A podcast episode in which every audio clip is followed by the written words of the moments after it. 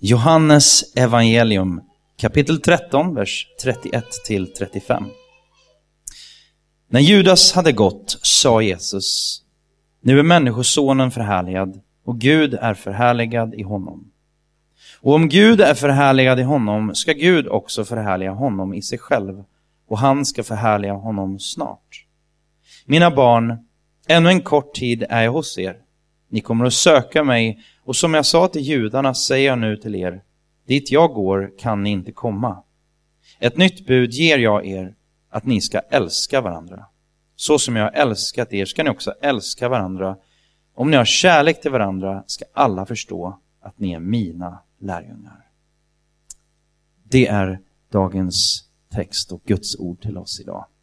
Amen. Varsågoda och slå er ner. Hejsan! Alltid en ära att få predika och idag ska jag ha, ha gått tillbaka ett par, tio år ungefär och kör med papper. Men det är alltid säkrare än iPad faktiskt.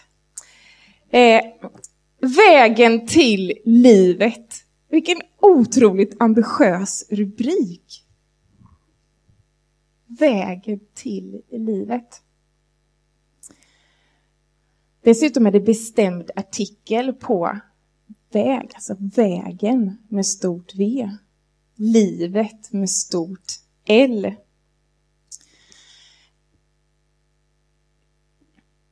Och det är inte bara en, en eh, ambitiös, eh, ambitiös rubrik, utan det är väl mycket av det som vi faktiskt tar, tar oss tid till i livet. Vi både gjort och gör nu att vi tar oss tid till att sysselsätta oss med det här, att hitta livet, att hitta det där extra, det där avgörande. För ingen av oss vill ju bara existera, ingen av oss vill bara ha en transportsträcka. Jag ska byta lite här.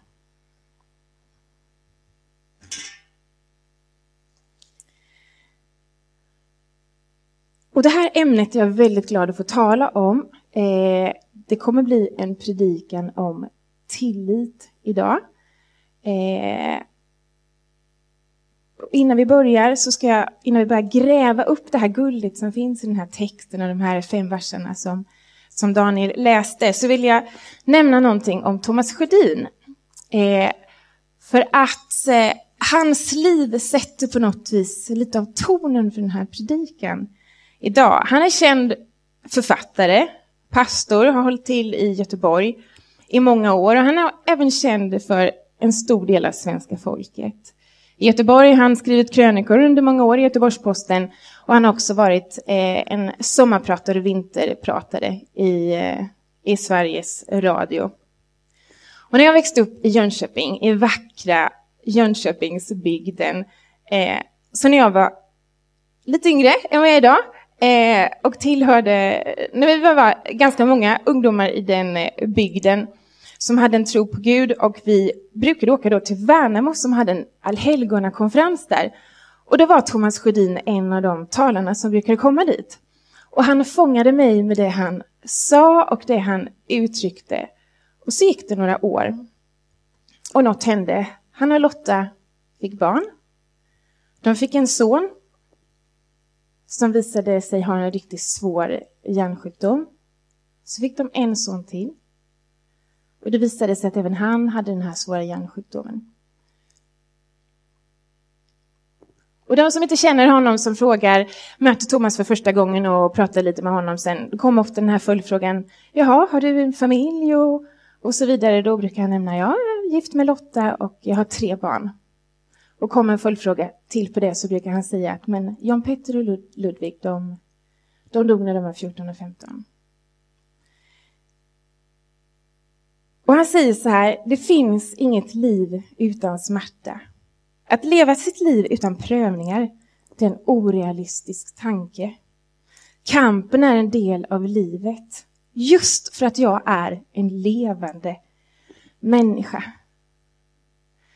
Och vi var iväg nu i, igår. Vi eh, är sådär väldigt nya i det här med båtlivet, men vi älskar det. Så vi är med i en båt, båtklubb. Eh, och eh, det finns en kvinna där som brukar vara väldigt eh, glad och positiv när vi möter henne. Och sen de senaste gångerna har hon faktiskt sett ganska så eh, ledsen ut.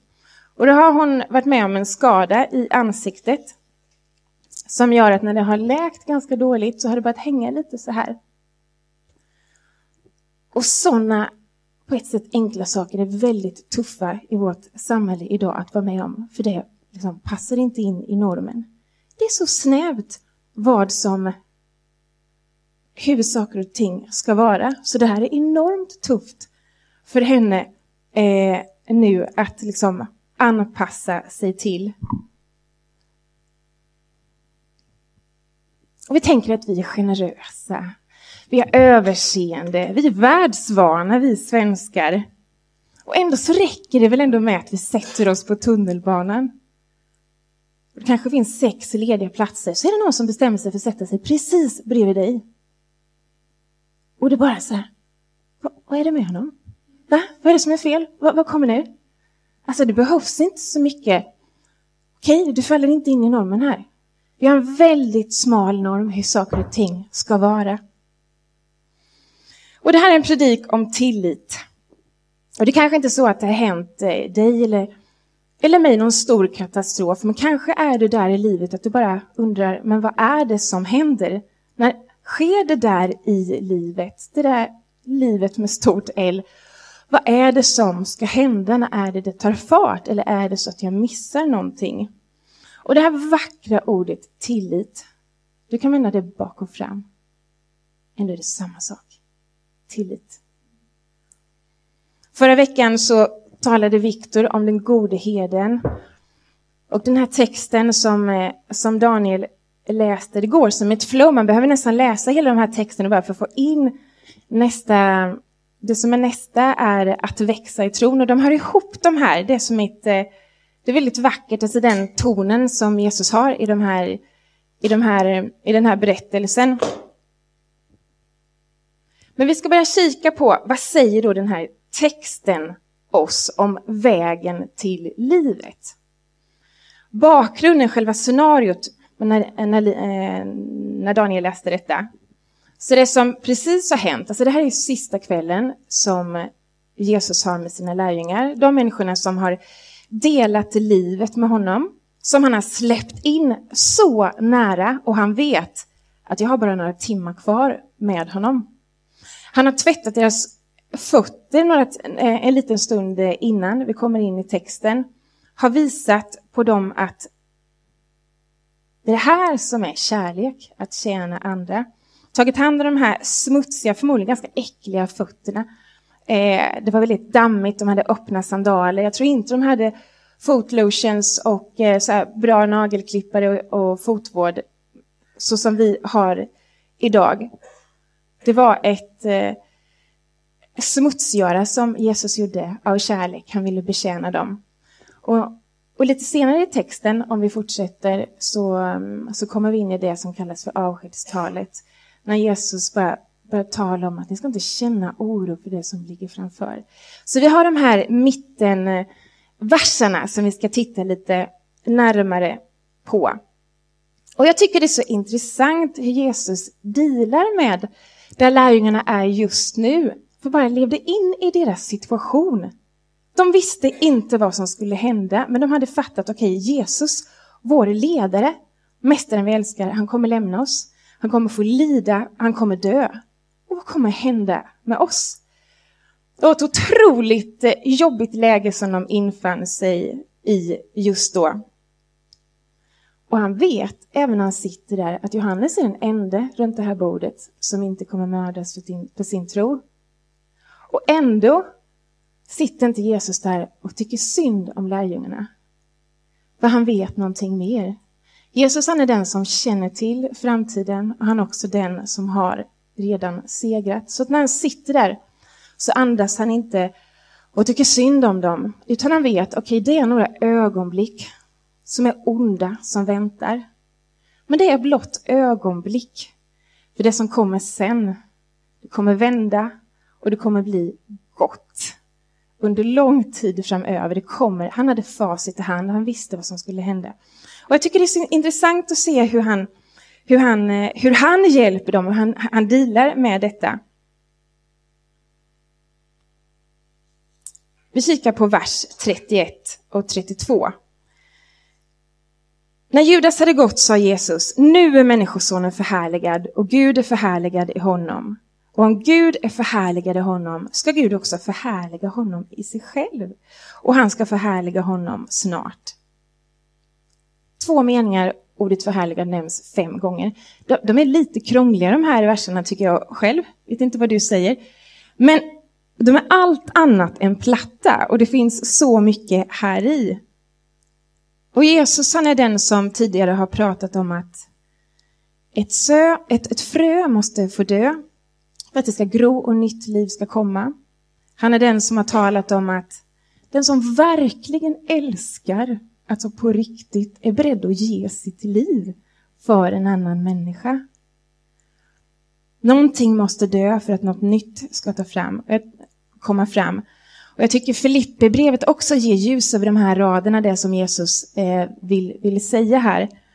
Eh, när Filipperbrevet eh, beskriver hur, hur Jesus, han, han lämnade sin härlighet. Han avstod från det som han hade, steg ner här i jordelivet, blev som en av oss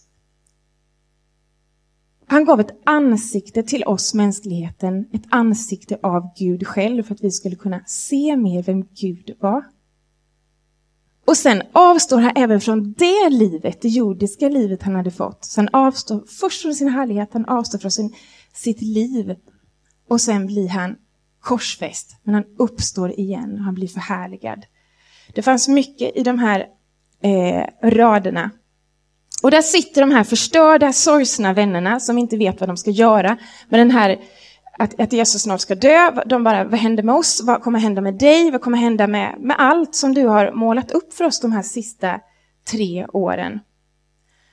Och det vackra och det fantastiska här och det sköna, det är att Jesus först och främst, han börjar inte tala om dem. Han börjar inte främst titta på deras förmåga och eh, deras insats. Inte så här att okej okay, grabbar, nu är det så här att jag kommer snart lämna er. Bara tänk, tänk på det här nu. Tänk på allt som jag har lärt er. Nu är ni, alltså nu är ni världens hopp, för jag, jag går tillbaka till himlen, så liksom, nu gäller det att ni får till det här för hela världens frälsning. Så bara kom ihåg allt som jag har berättat för er. Var uthålliga, liksom, hjälp, pusha varandra. Ni får liksom inte tappa tag. Han började inte titta på dem. Han började inte liksom, kom igen nu, utan vad han gjorde när han kände sig så här eländig och inte hade en aning om vad som skulle hända. Så bara lyfte han, hjälper dem att lyfta blicken. Okej, okay. han bara pratar om uppåt. Se på mig. Se på mig. Det, det är lugnt. Bara titta inte på dig själv. Se på mig. Människosonen kommer bli förhärligad. Bara lyft din blick. Se på mig. I got it covered.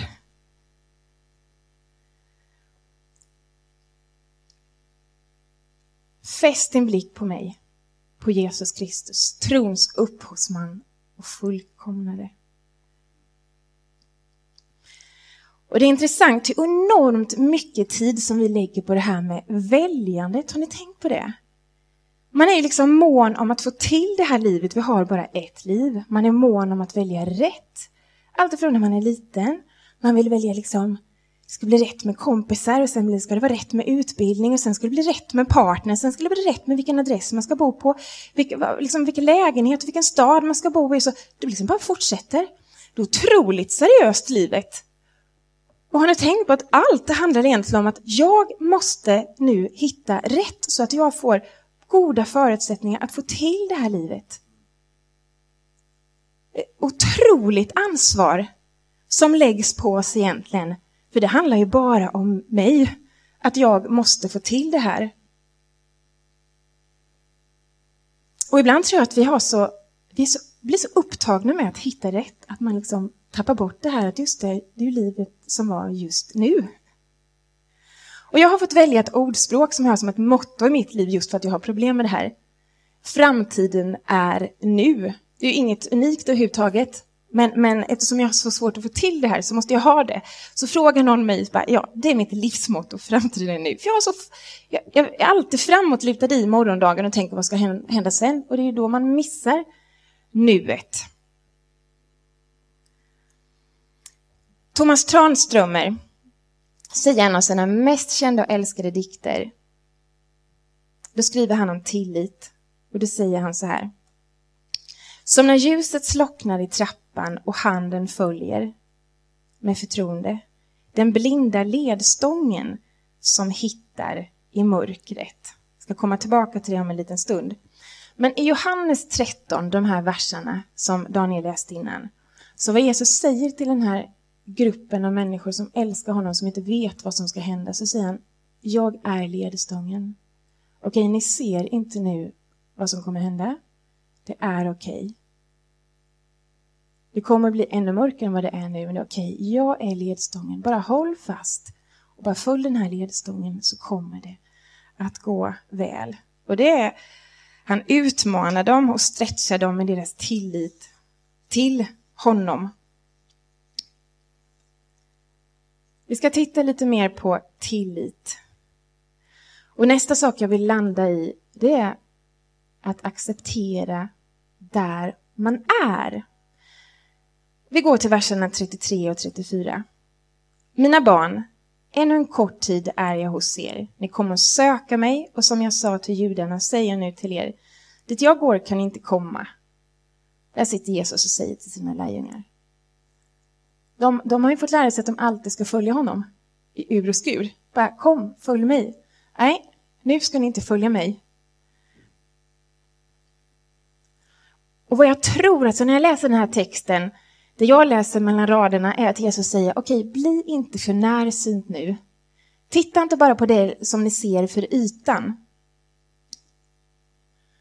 För jag kommer att dö, men det är inte dåliga nyheter. Jag kommer att dö, men det kommer att bli goda nyheter. De har inte möjlighet att se det just då. De såg bara det fysiska. Och det är ju så att man, det blir, vi brukar säga att det blir inte alltid som man har tänkt sig. Jag tycker nästan alltid att det inte blir som man har tänkt sig. Och ibland så blir det faktiskt bättre än vad man har tänkt sig. Lärjungarna, de hade ingen aning om när de gick in i detta att, de, att, att Jesus skulle behöva lida och att de skulle dö. Men de hade heller ingen aning om att Jesus skulle uppstå och komma tillbaka i livet. De hade ingen aning om den otroliga, alltså att han skulle förändra hela världen och framtiden genom det han gjorde. De hade heller ingen aning om att de skulle få vara med och förändra hela framtiden, så till och med du och jag 2017 påverkas. Det hade de ingen aning om. Det blev inte som de hade tänkt sig. Det blev faktiskt ännu bättre.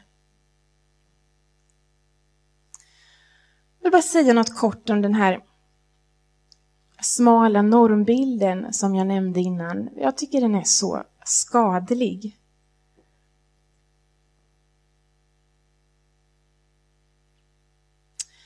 Jag väljer att säga någonting som Thomas Sjödin nämnde för DN. Jag läser citatet. Du som kom in lite senare, jag har precis nämnt om Thomas, att han, hans två söner gick bort och att de har levt ett väldigt tufft liv, kan man enkelt säga. Det som gjorde vår situation så komplicerad var det febrila sökandet efter en förklaring och en högre mening med det som hände, säger Thomas. Och jag tror att man måste få konstatera att vissa saker är helt meningslösa. Det är en tragedi. Och utmaningen kommer när man har sörjt färdigt, att plocka upp tanken, kanske kan detta i Guds händer bli något som jag faktiskt kan tala om, någonting som vi inte bara kan tala om i negativa termer. Och han säger att för, för honom och för Lottas del var själva vändpunkten när de slutade att söka efter en mening i det och de började acceptera. Och han säger, vi har tagit emot och älskar de barnen vi har fått och vi skulle inte vilja byta ut dem mot några andra, mot några friska barn. Och så avslutar han med att säga, vi har fortfarande så mycket att leva för. Vi har John som idag har flyttat hemifrån och börjat sitt eget liv. och vi har varandra. Och jag ser nu att vi inte haft ett dåligt liv, bara slitsamt. Våra pojkars liv har varit rikare än mångas. Och det här tycker jag är så vackert. Han säger, de vet inget annat än människor som älskade dem. Vi, färdtjänstchauffören, skolpersonalen. Det är en dröm för en massa människor att få uppleva så mycket, att vara så älskad. Och det fick de uppleva. Och eftersom vi har ofta den här normen om hur livet ska bli, hur det goda livet ska vara, hur det perfekta livet ska vara, förhållandet, familjesituationen, alltså på olika vis. Eftersom den är så pass smal som den är idag så blir livet så oerhört tufft och det blir så komplext när vi möter motgångar, som till exempel Thomas. Och vi behöver jobba med saker som vi inte alls trodde att vi skulle behöva liksom, ta ställning till. Men det vackra är, tycker jag, när Thomas beskriver det bara, okej, okay, vi fick ju upp den här tanken på det där perfekta livet som vi trodde vi var ute efter. Någonting fick dö och någonting annat bara reste sig upp och man kunde se det vackra i det. Man kunde till slut acceptera att okej, okay, vi kommer aldrig få den här normbilden, vi kommer aldrig passa in i den här bilden så som det är tänkt att vara. Men de kunde se någonting annat växa fram. De kunde omfamna det i all den smärtan, men ändå kunde vara tacksam för livet.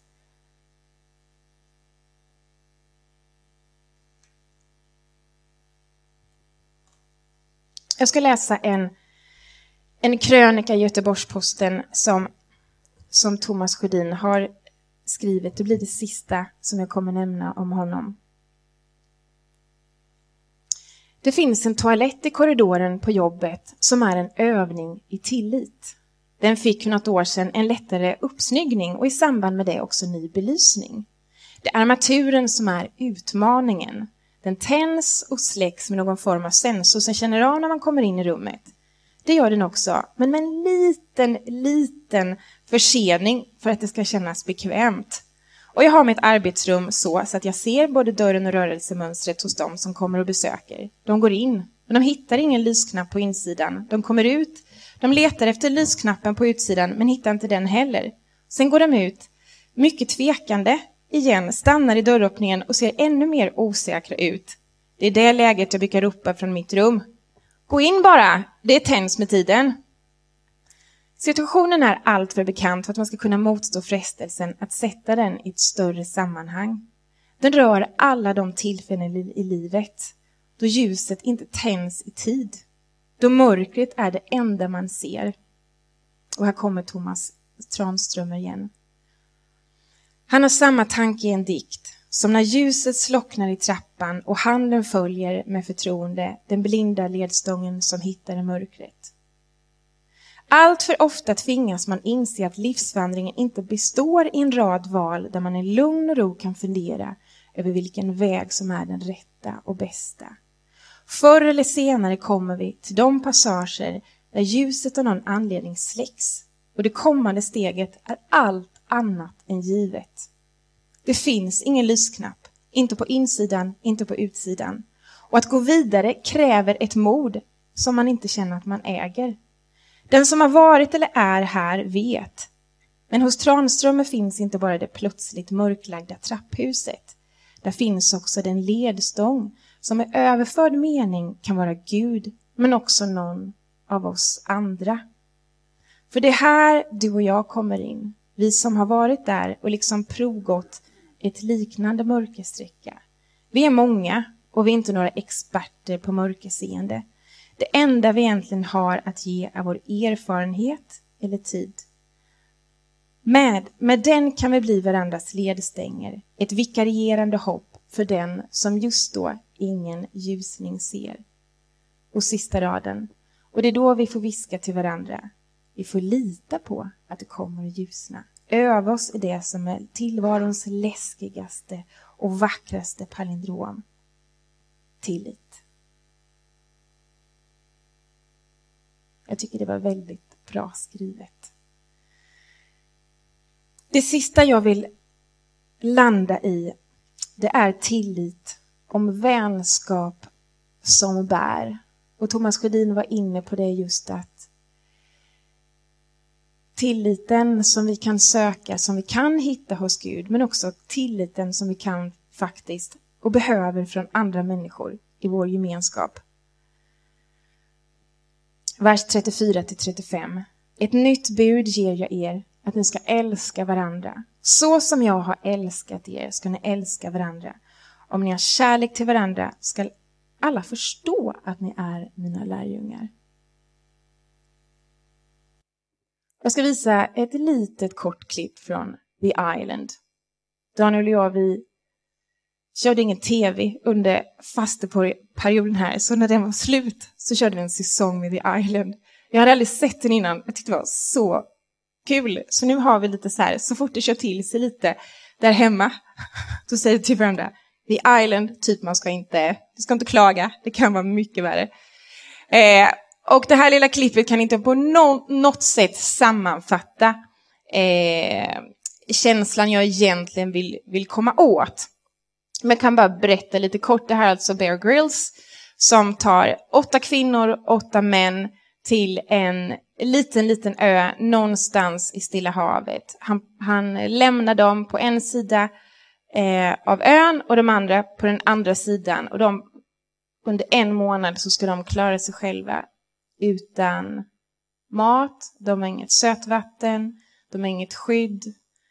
Eh, de har en läkare med sig och de har kamera med sig.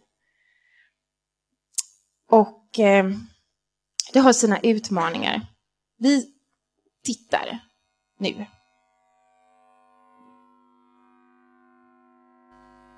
We dropped them as two groups the men, the women, and there was no guarantees they'd ever even meet up, let alone stay together. But they understood the strength in numbers, man and woman using each other's strengths, and that's what they did, and that's why they survived. Come on, all the way along, Oh my gosh! This is really, really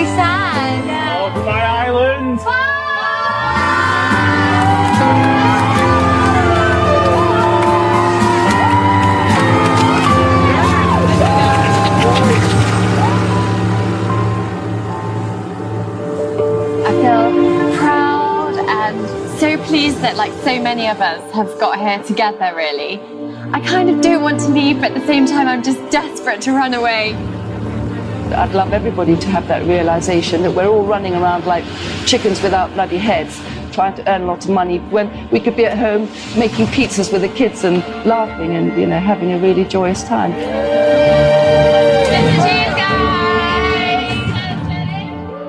I'm going to spend an awful lot more time with my family. Realize here how much you miss them and how absolutely precious time is. De blev alltså, tre blev bitna av skorpioner, eh, mådde fruktansvärt dåligt. De tappade tillsammans 190 kilo. Vissa var så sjuka att de knappt kunde röra sig. Man får se att de gråter mycket, massor av konflikter.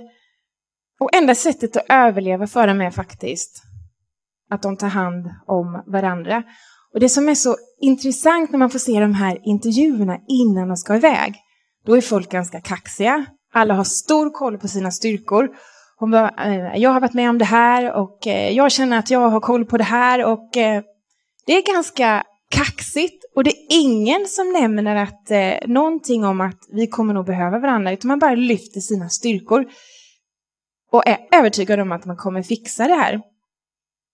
Och Bear Grylls, han säger eh, efteråt när han hämtar dem, jag kan se att ni är annorlunda nu än när jag lämnade er här. Ni är inte de samma.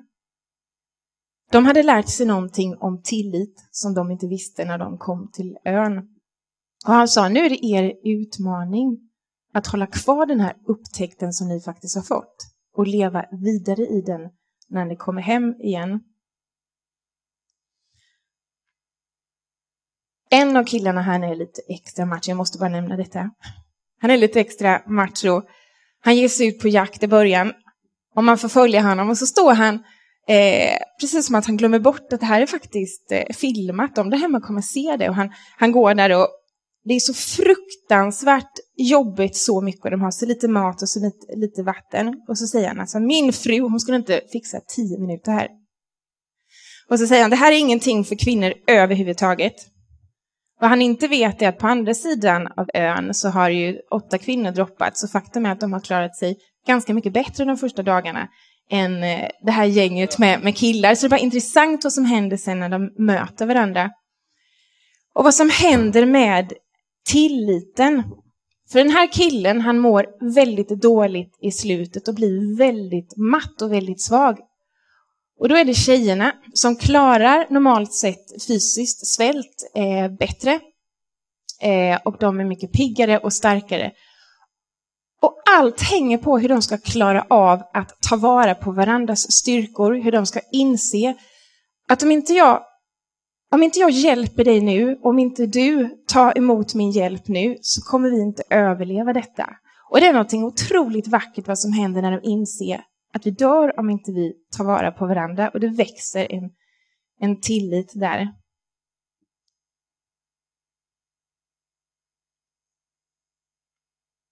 Och nu ska vi inte alla åka till The Island och vara med där i Stilla havet, men jag tror det är någonting som vi kan lära oss om det här med tillit. De var i ett extremt läge, när man blir så utsatt att man tänker jag, jag kommer inte ens överleva om inte jag tar emot hjälp av dig eller jag hjälper dig nu. Men i det sammanhang och det samhälle som vi lever i så är det faktiskt likadant. Det är inte så liksom svart eller vitt, men vi behöver varandra. I en församling som detta så behöver vi varandra, inte bara för att överleva utan för att leva det livet som det är tänkt att vara.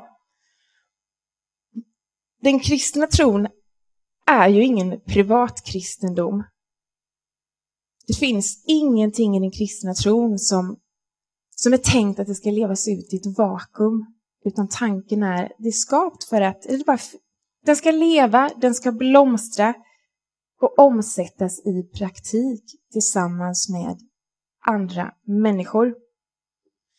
Och det här är någonting som vi kan öva oss i, i tillit. Eh, och där tror jag att för att kunna att man behöver lite mod för att kunna ha tillit till andra människor.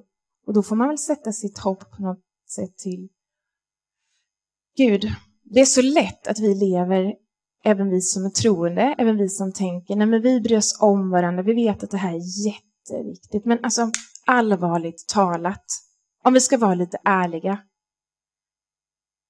kan vi vara lite ärliga med varandra när det gäller att man, alltså det, When the shit hits the fan, som man brukar säga.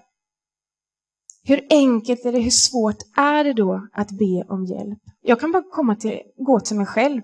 Jag har mycket lättare för att erbjuda mig hjälp till någon som jag ser behöver det än fråga om hjälp. Det är någonting som jag blir utmanad i den här texten. Jag blir utmanad av det här budskapet. Okej, Linda, du behöver bli duktigare på att be om hjälp och inte bara erbjuda hjälp, för det är så mycket enklare. Och i kyrkorna är vi så duktiga på sociala projekt, vi är så duktiga, vi har verksamheter, vi hjälper de som är svaga och det ska vi fortsätta göra, självklart. Men vi ska också fortsätta att öva oss i tillit till varandra. Det som vi läser i Apostlagärningarna kan kännas så långt bort när den första församlingen beskrivs hur de levde med varandra och för varandra så att människor hajade till. De fick sån respekt i samhället för människor såg någonting som de hade. Som faktiskt inte var vanligt, som inte var av denna värld. De älskade varandra på ett annat sätt och de levde för varandra på ett annat sätt. Så summa vad jag velat säga under de här minuterna. Jag bara backar tillbaka lite om, om livet med stort L. Det är ju verkligen en resa, det är ingen klyscha. Att vi vågar släppa normidealet för att omfamna det liv som du och jag har fått med de förutsättningar du och jag har fått. För att i det upptäcka det liv vi kan få del av. Att inte fästa blicken inåt när det skiter sig, utan bara komma ihåg, just det här, nu lyfter jag blicken. Jag ser inte möjligheterna nu, jag ser inte vägen nu. Jag lyfter min blick och litar på att du är ledstång nu, även när det är mörkt. Ska inte gripas av panik. Och att ensam är svag. Ensam är svag, men tillsammans är vi ju starka. Och det sista, att låta oss öva oss i tillit. Till Gud men också till varandra. I Jesu namn. Amen.